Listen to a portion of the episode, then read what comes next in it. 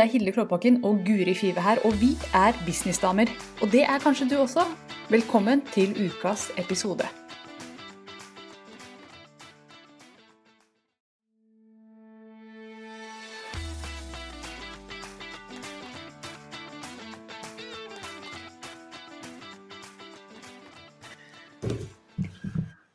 Hallo. Hei, hei. Hei. Jeg bare ta de som vanlig. Sånn. Det er alltid litt lydgreier på begynnelsen. Ja, hører med. Du hører meg nå?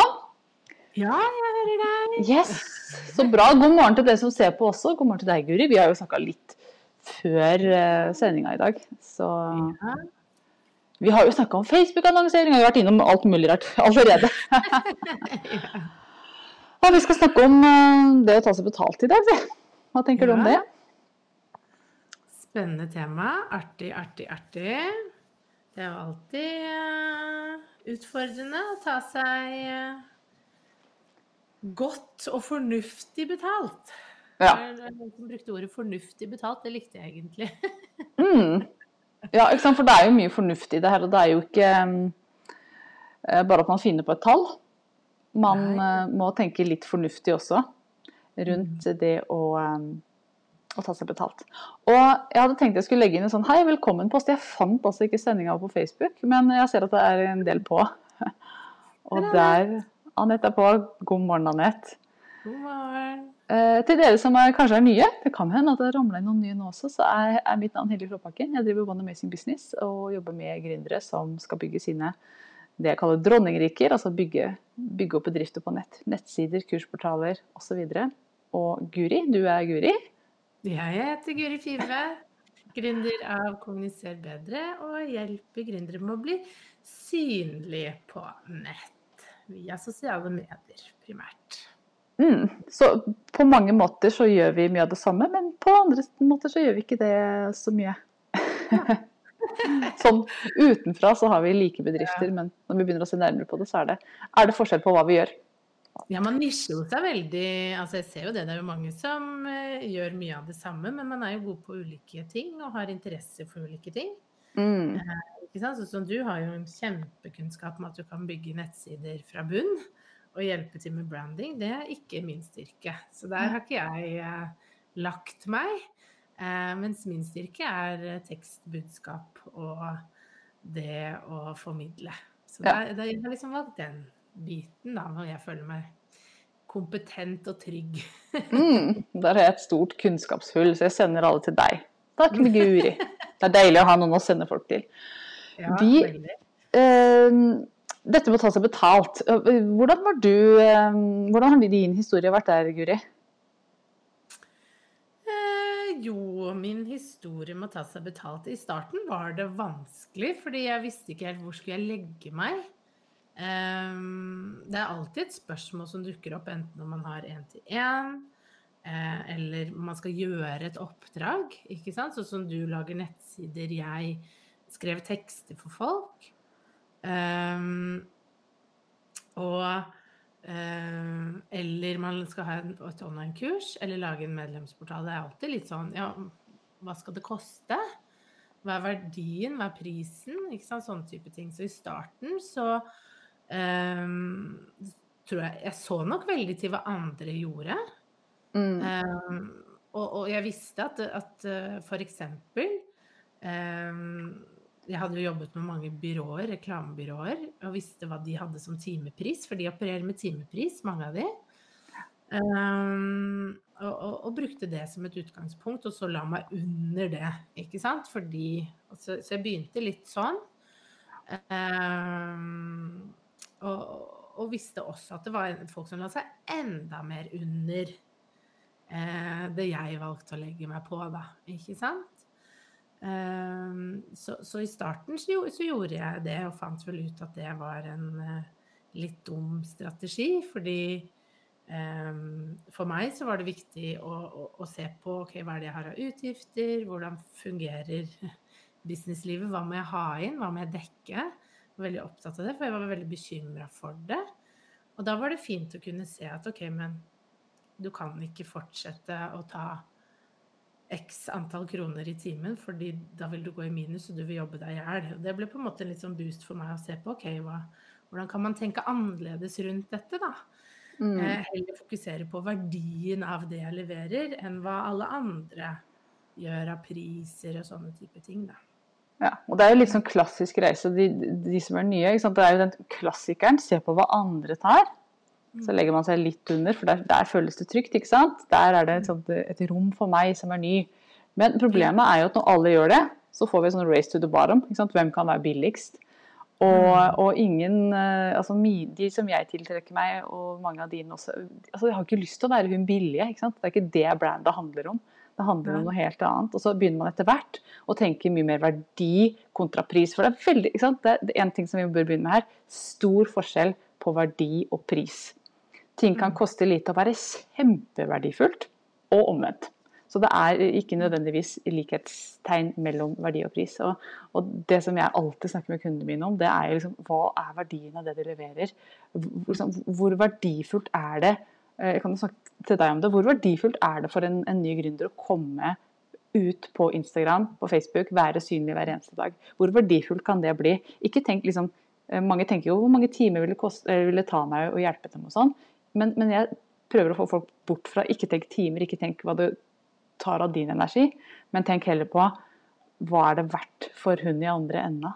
Og da kommer man ut med helt andre tall enn om man tenker timepris. Så jeg er jo liksom litt sånn motstander av timepris og snakker mye mer om pakker. Og, og, og tenker helt annerledes rundt det. Mm. Og, og, finner det veldig inspirerende. Da blir, det, da blir det plutselig gøy å drive business. Når man kan sette sammen sine egne pakker og se hvordan kan jeg lage noe som er skikkelig verdifullt for hun i andre enda, eller han i andre enda, samtidig som jeg gjør det på en måte, sånn måte at jeg slipper å slite meg ut. Det mm. syns jeg er eh, ordentlig moro. Men jeg har lyst til å gå litt inn på det her med eh, å være redd for å sette en skikkelig pris. Og hva er dine erfaringer der eh, med, med kundene dine? Og du ser sikkert folk som, som, sliter med å sette en ordentlig pris. Og hva er det de er redde for? Nei, de er vel redde for at man ikke får uh, At hvis man setter en OK pris, at man ikke får kunder, da. Det er jo det mm. man i prinsippet er redd for. At man ikke skal få like mange kunder, at man skal få kritikk. Um, det er vel de tingene som går igjen. At man kjenner på en litt sånn engstelse rundt de to tingene, da. Mm. En annen ting som vi også møter på ofte, det er når, ikke sant? de, de, sier det sånn Jeg er redd for ikke å få nok kunder, jeg er redd for at noen skal si at det er for dyrt, og hvem tror du mm. at du er, og sånn. Og så er det òg den her med at hvis jeg tar en høy pris, så kjenner jeg at jeg må jobbe så sinnssykt hardt for den kunden. Fordi at jeg har lagt meg høyt. Så jeg kjenner på en sånn, sånn Mange tror at for å kunne ta en god pris, så må jeg mm. jobbe skikkelig, skikkelig hardt. Og sette likhetstrekk der også, mellom hardt arbeid og høy pris. Og der også er det faktisk det er bare noe man har funnet på. Tilbake til det der, hva har du bestemt deg for at det er sant. Vi hadde en sending som het det for noen dager siden. Og, og, mange har bestemt seg for at hvis jeg skal ta en høy pris, så må jeg jobbe kjempehardt. Men da er det tilbake til å tenke hva er det verdt for hun i andre ende? Eh, hvis du kan levere noe til henne som er kjempeverdifullt, men kanskje er det superlett for deg å levere, så har du en business som altså Det er jo idealet. Det er jo gull når man sitter på noe som er lett å levere, samtidig som mottakeren bare Å, herregud, Får masse, masse ut av det. Og, det har vi jobba litt grann, eh, sammen med også, med dine pakker. Vi har jo hatt noen samtaler rundt hvordan kan du levere kjempebra uten å, å bruke veldig mye tid per kunde, men virkelig liksom være der for kunden og levere den gode verdien. Og ja, altså jeg, jeg, digger jo sånne samtaler, for det går virkelig an.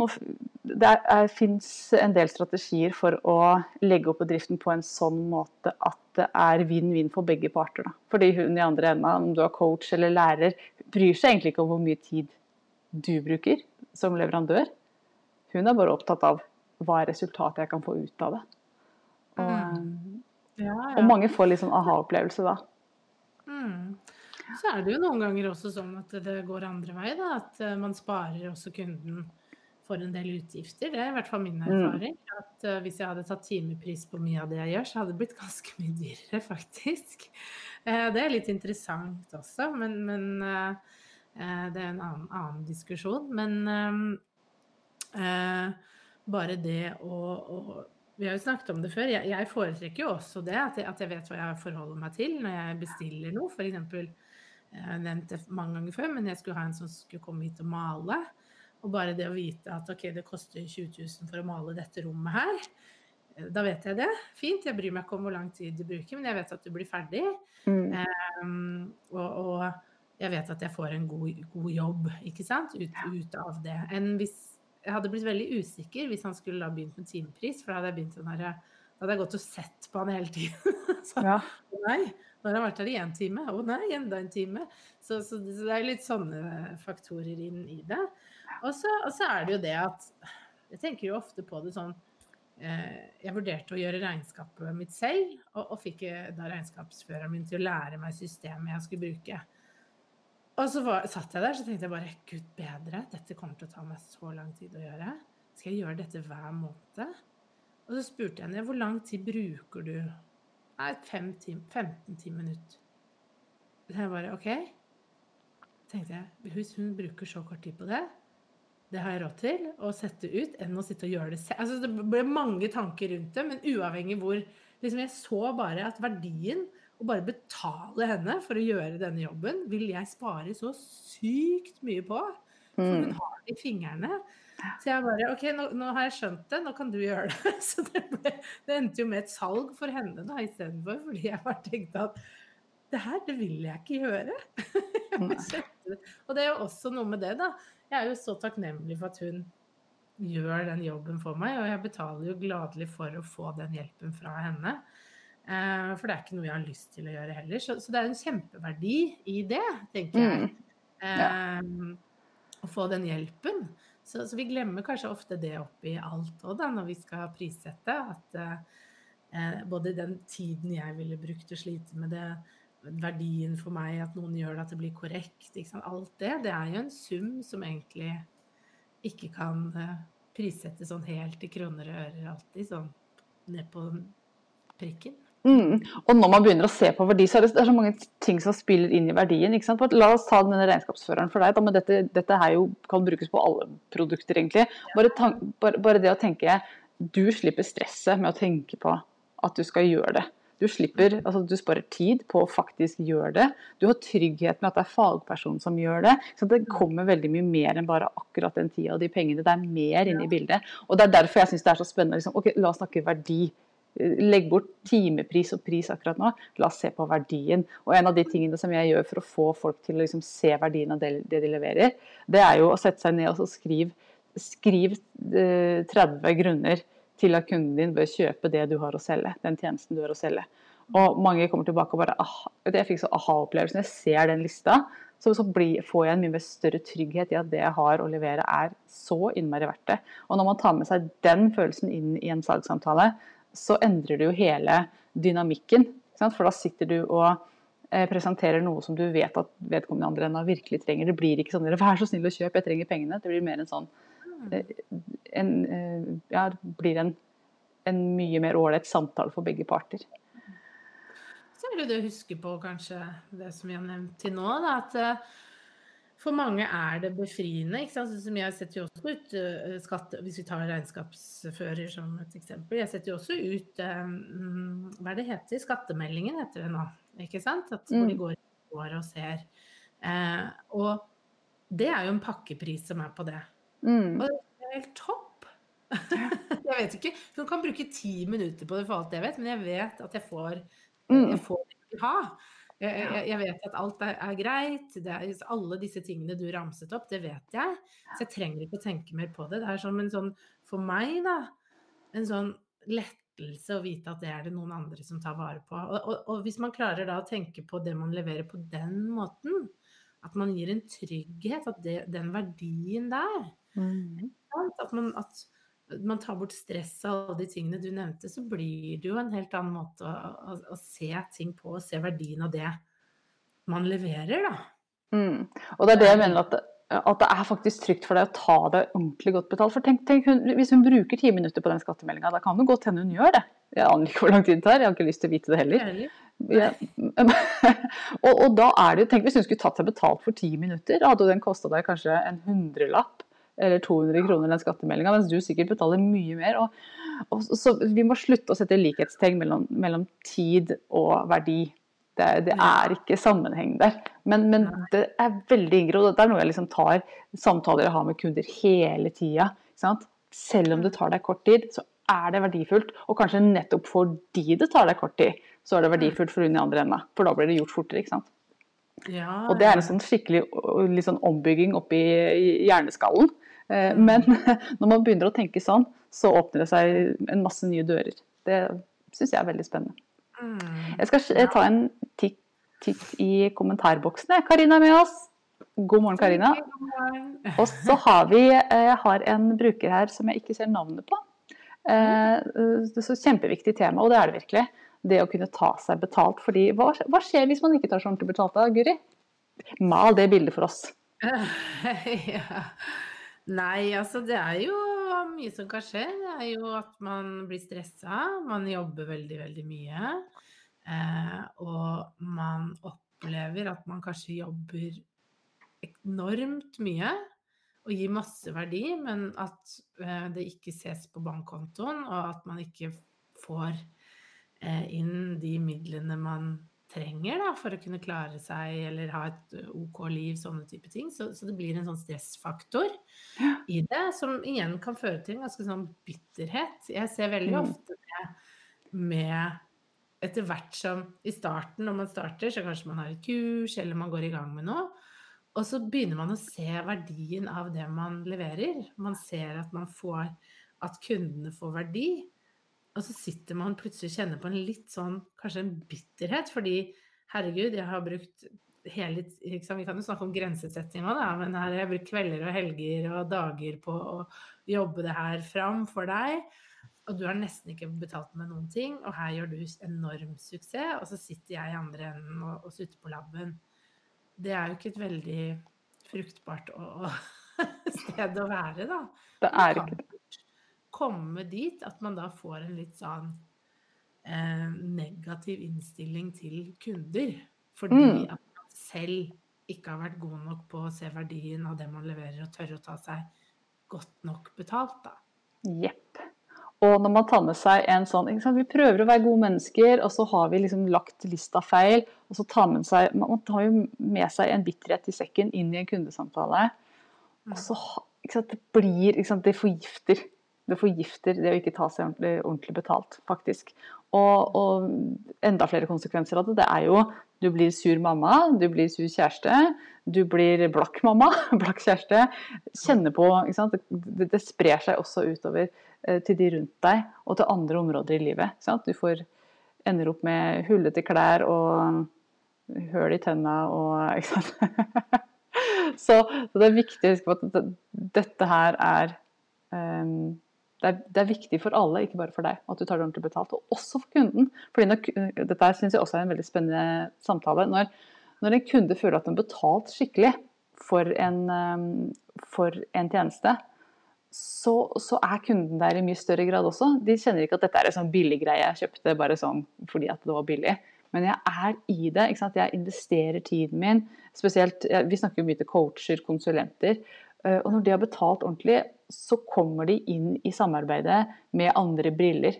De er klare for å stå på, de er klare for å gjøre jobben. De har investert.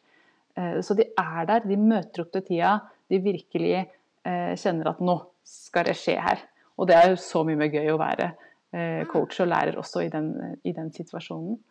Og, og, så er det jo en annen ting, og det er jo markedet ditt. ikke sant?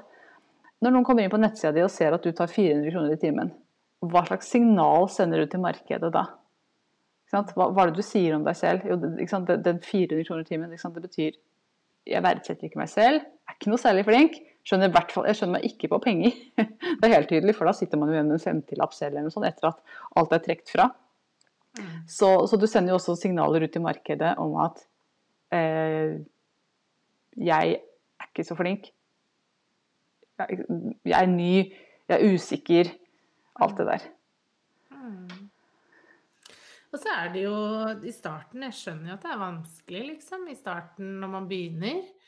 Eh, men det her er jo erfaring som kommer etter hvert, da.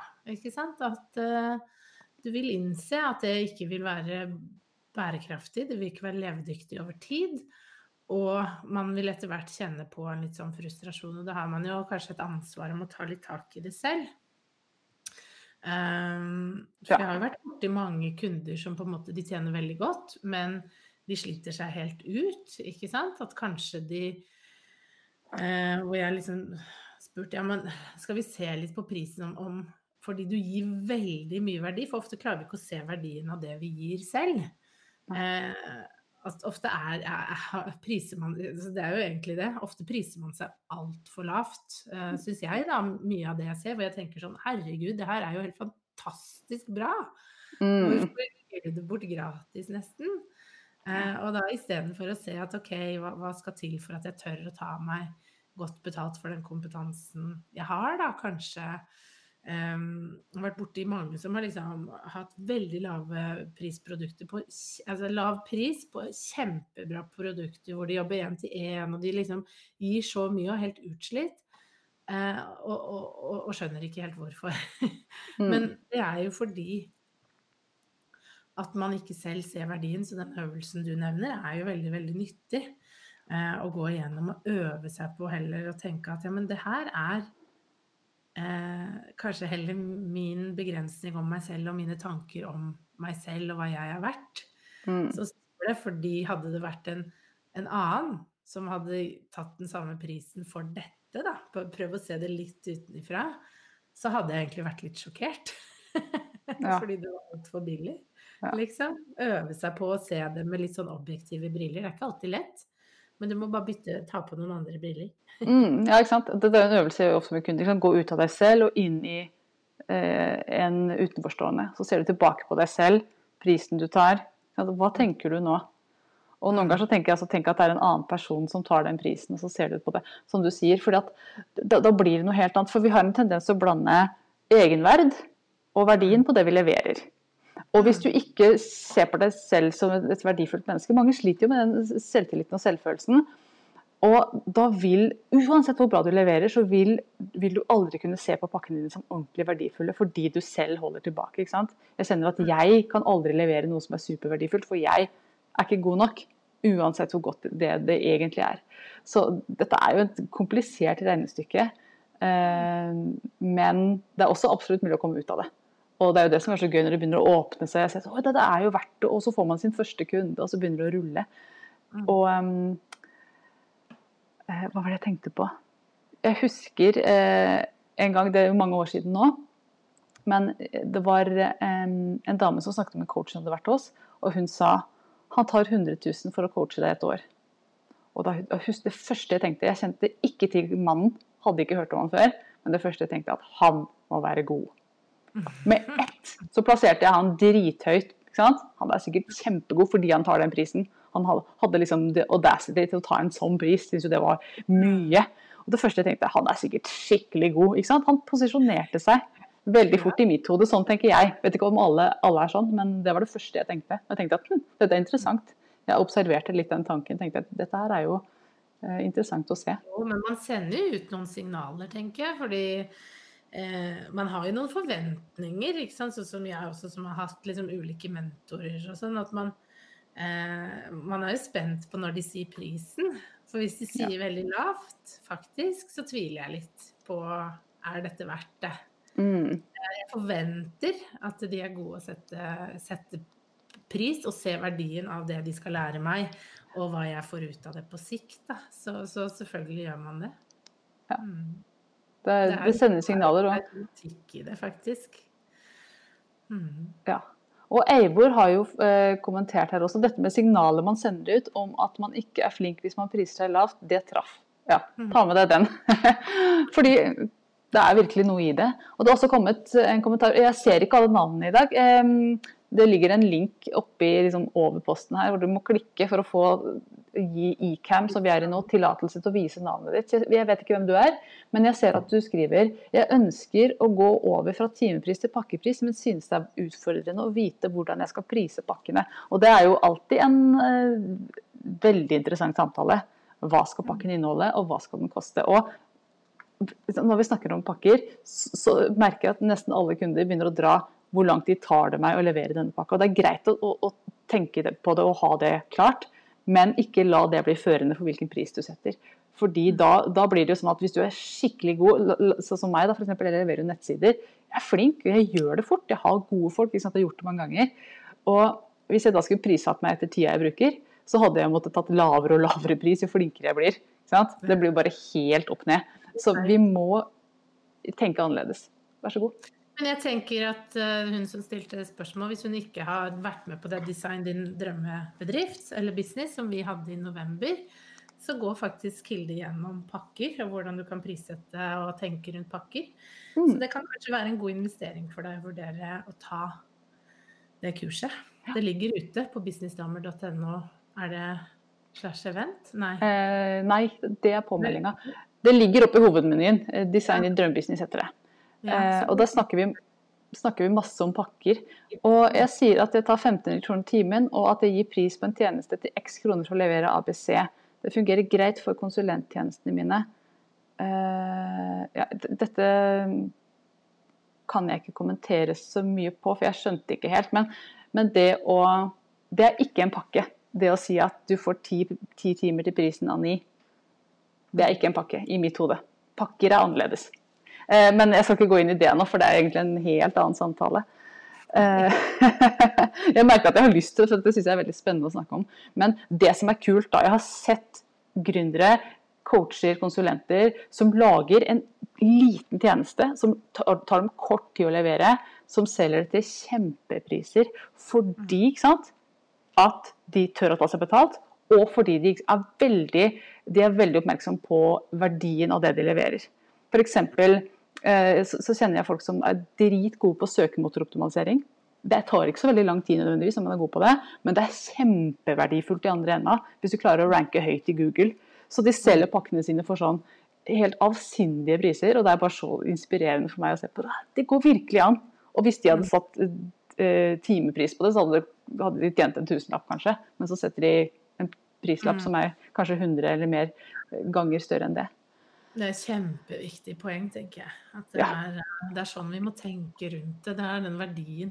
Så det har å, å, å, flytte tankene litt det er uvant. Absolutt. Jeg kommer fra en timeprisverden uten like, jeg. Mm. Det, det, er vanskelig, for det er det vi har trent opp til. Men det å, å jobbe med å tenke heller verdi og vil få ut av det, og da tørre å stå litt trygt i det, fordi du ser at egentlig, du leverer mest sannsynlig eh, mye, mye mer verdi enn det de da betaler. Altså mest sannsynlig så gjør de jo det uansett, tenker jeg da. Fordi mm, at, mm, de fleste gjør det. Ja, fordi de lever ofte forbi den korte tiden man jobber sammen.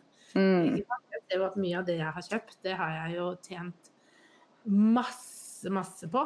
Mm. Eh, spesielt et kurs, jeg, jeg tror jeg betalte 7000 kroner for det. Men det, det, gjorde jo at jeg tjente masse penger i fjor.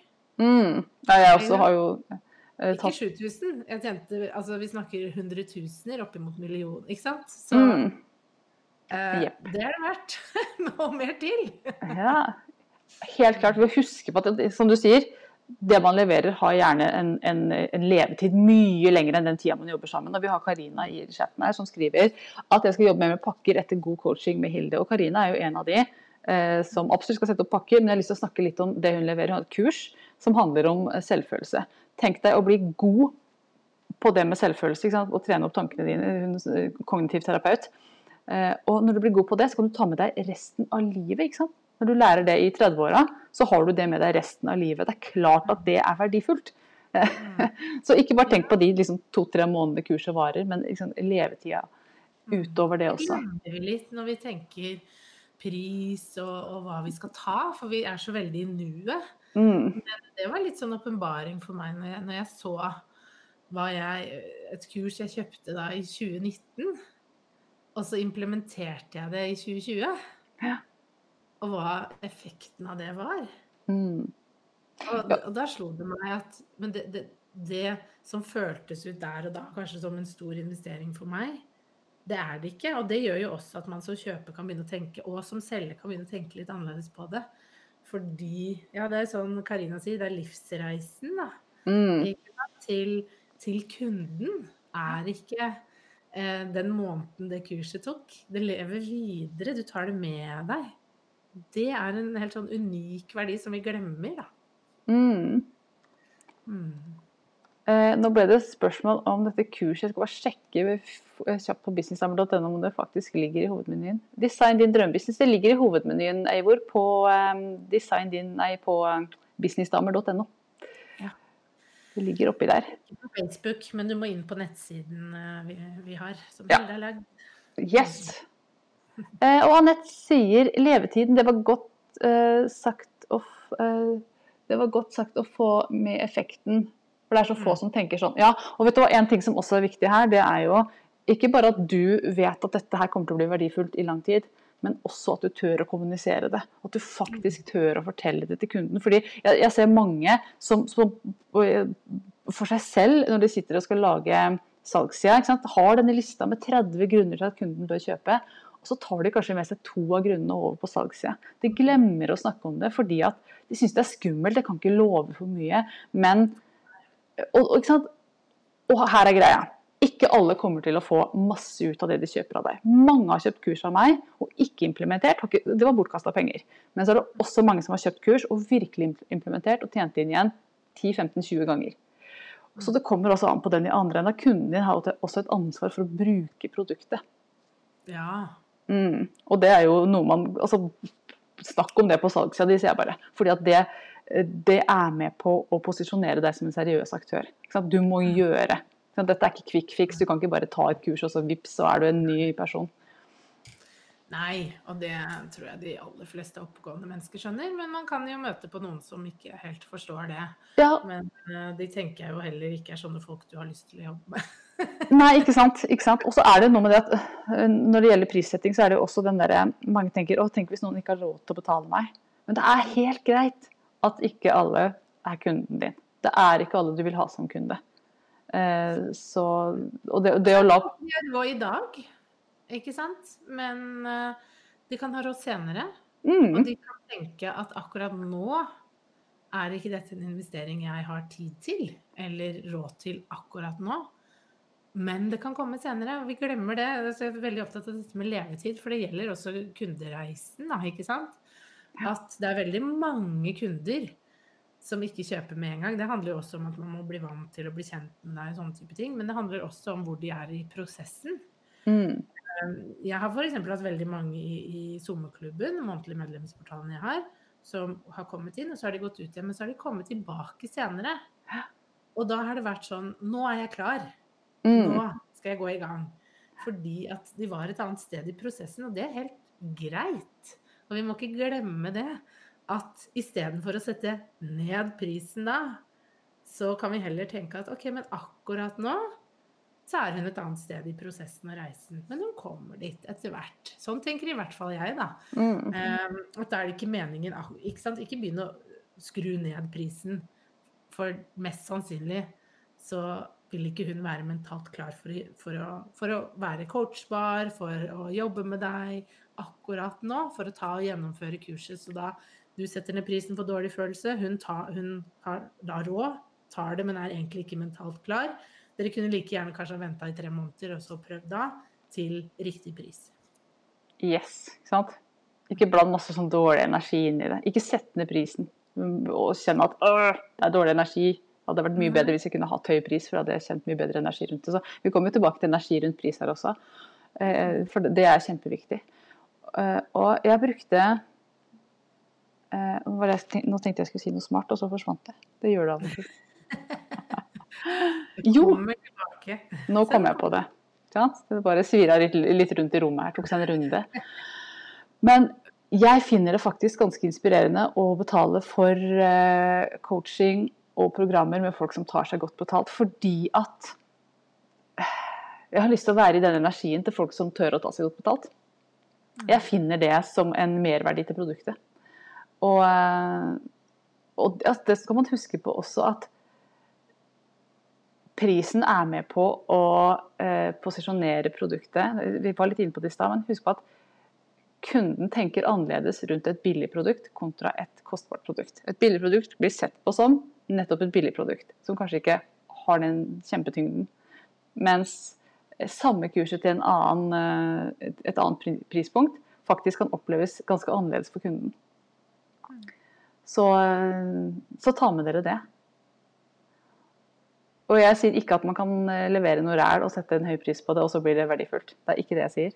Men jeg sier at prisen er virkelig en del av produktet, det også.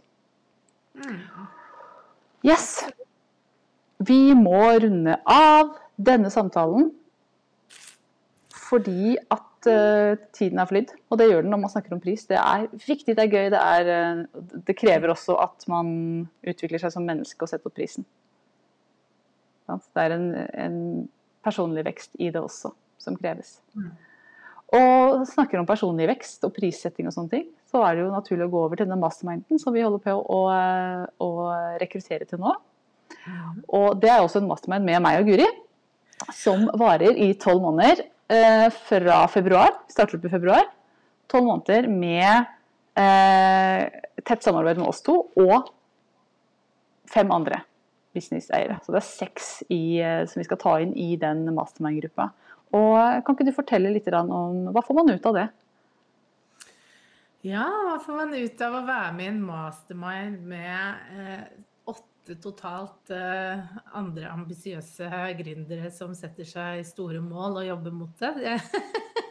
du får jo ganske mye ut av det. Bare ved å liksom, jeg sier det sånn, så hører du jo kanskje at det å være rundt andre som har ambisjoner, som vil det samme, som jobber med sin egen business, det er inspirerende. Det skaper motivasjon og engasjement i oss alle mm. Eh, når vi er rundt andre som gjør det samme. Så det er liksom den viktigste biten, tenker jeg, i det.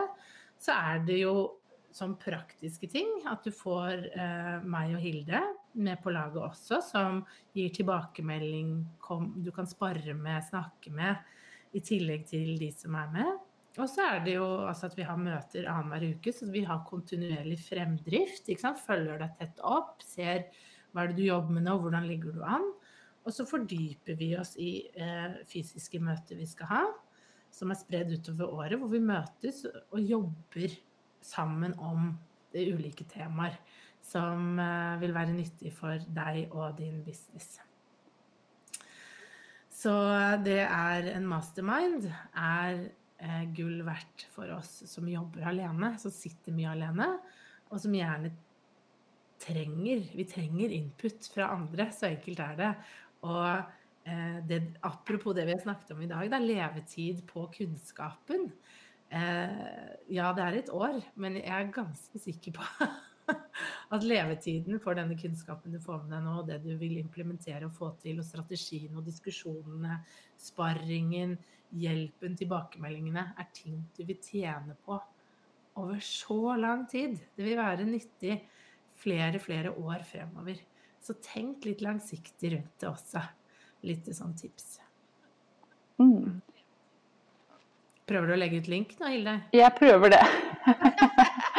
og så så det er ett år med meg og Hilde, som Hilde nevnte, og resten av gjengen. Og det er annen uke møter, fysiske treff. Vi har uh, fått på plass en uh, delbetalingsløsning. Mm. Uh, jeg som ønsker det. Så gå gjerne inn og ta en titt. Og så er det sånn at vi begynner i februar, så det er nå du må bestemme deg. Mm. Få ut fingeren, som man sier. Ja. og ta kontakt med oss for en helt uforpliktende prat for å eh, komme i gang med om du skal da være med i denne mastermind, for å se om det kan være en god match. Mm. Og vi skal jo faktisk over på vår egen mastermind rett etterpå. Jeg og Guri vi er jo medlem av en, en gjeng. Mm. Eh, og de samtalene som foregår der, mm. det er samtaler man ikke får andre steder. Mm. Det å være i en sånn trygg ramme da, med andre, hvor du kan diskutere litt opp- og nedturer og få tilbakemelding når du er litt usikker, for vi kan bli usikre. altså sånn, Hilde har jo holdt på i åtte år, jeg har jo holdt på en stund nå også, og vi tjener godt, men man kan bli usikker. Er dette riktig? Bør jeg gjøre det sånn? Hva syns dere? Bare det å kunne prate om det, få litt innspill, eh, få, få, tilbakemelding på at det man tenker er riktig. Det er mye verdi i det. Og, og, og det har jo også, ikke sant, når vi snakker om hva man får av verdi, det har jo tilbakemeldinger jeg har fått fra, fra Mastermind jeg har vært med i, det har jo gjort at ok, men da står jeg trygt i det, så kjører jeg på. Jeg har Mm. fått sånn signaler til at det her er bra. Denne salgssiden ser dødsbra ut, dette bør du fokusere på. Gå, gå, gå. Og da tør man å skru opp volumet litt og, og trykke ned gasspedalen fordi man har fått støtte eh, og kjør, til å kjøre på, og man gjør det. Og så Det har jo jeg tjent masse penger på. Ja. og, og businessen min har blomstra på grunn av det, da. Eh, og det skal man ikke skimse av. Det er en veldig veldig viktig del av det å være med i en mastermind. Og det vil du oppleve hvis du blir med i, i mastermind vi skal ha. Altså. Mm. Og jeg har lyst til å bare understreke det med at uh, nå er det litt ekko her. Har du muligheten til å ja, Nå ble det borte. Det var bare programmet som måtte tenke seg litt om. Men, men bare den derre Å gå inn i en gruppe og si 'her er det jeg har tenkt å gjøre', kan jeg få litt feedback? Og når du da får hjelp til å skru til det, og folk sier 'dritbra, kjør på', jeg merker at jeg får ti ganger mer energi og gjørekraft til å markedsføre det. Hadde jeg sittet alene, så hadde jeg kanskje tenkt at dette er ikke bra nok, jeg må jobbe mer med det. Og så hadde ting bare falt bort. Mens med, med det klarsignalet som jeg får fra, fra mine folk, folk sier 'bra', så får jeg en helt annen kraft å kjøre på. Det er jo nøkkelen til å tjene bra i business. Det er jo å, faktisk å gønne på mye hardere enn de fleste tør.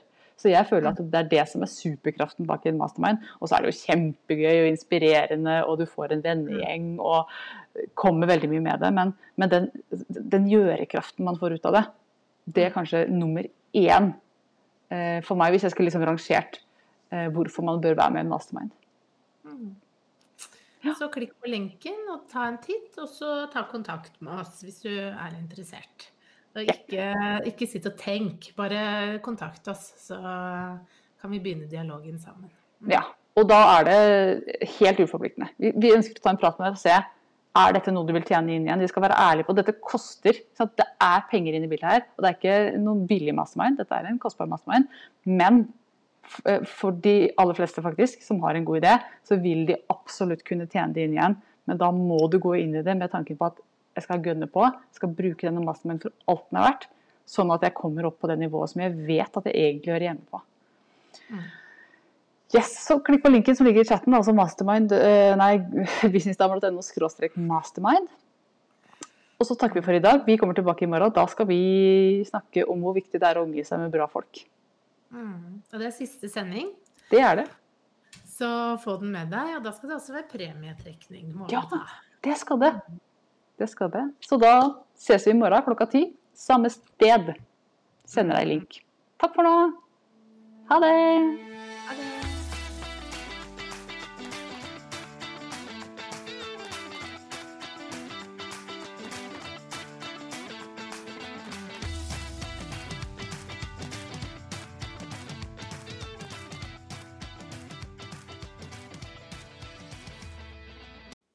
Nå har du hørt ukas episode med Businessdamer, og hvis du vil at en av oss skal hjelpe deg med å få mer suksess i din business, så kan du sjekke ut businessdamer.no samarbeid.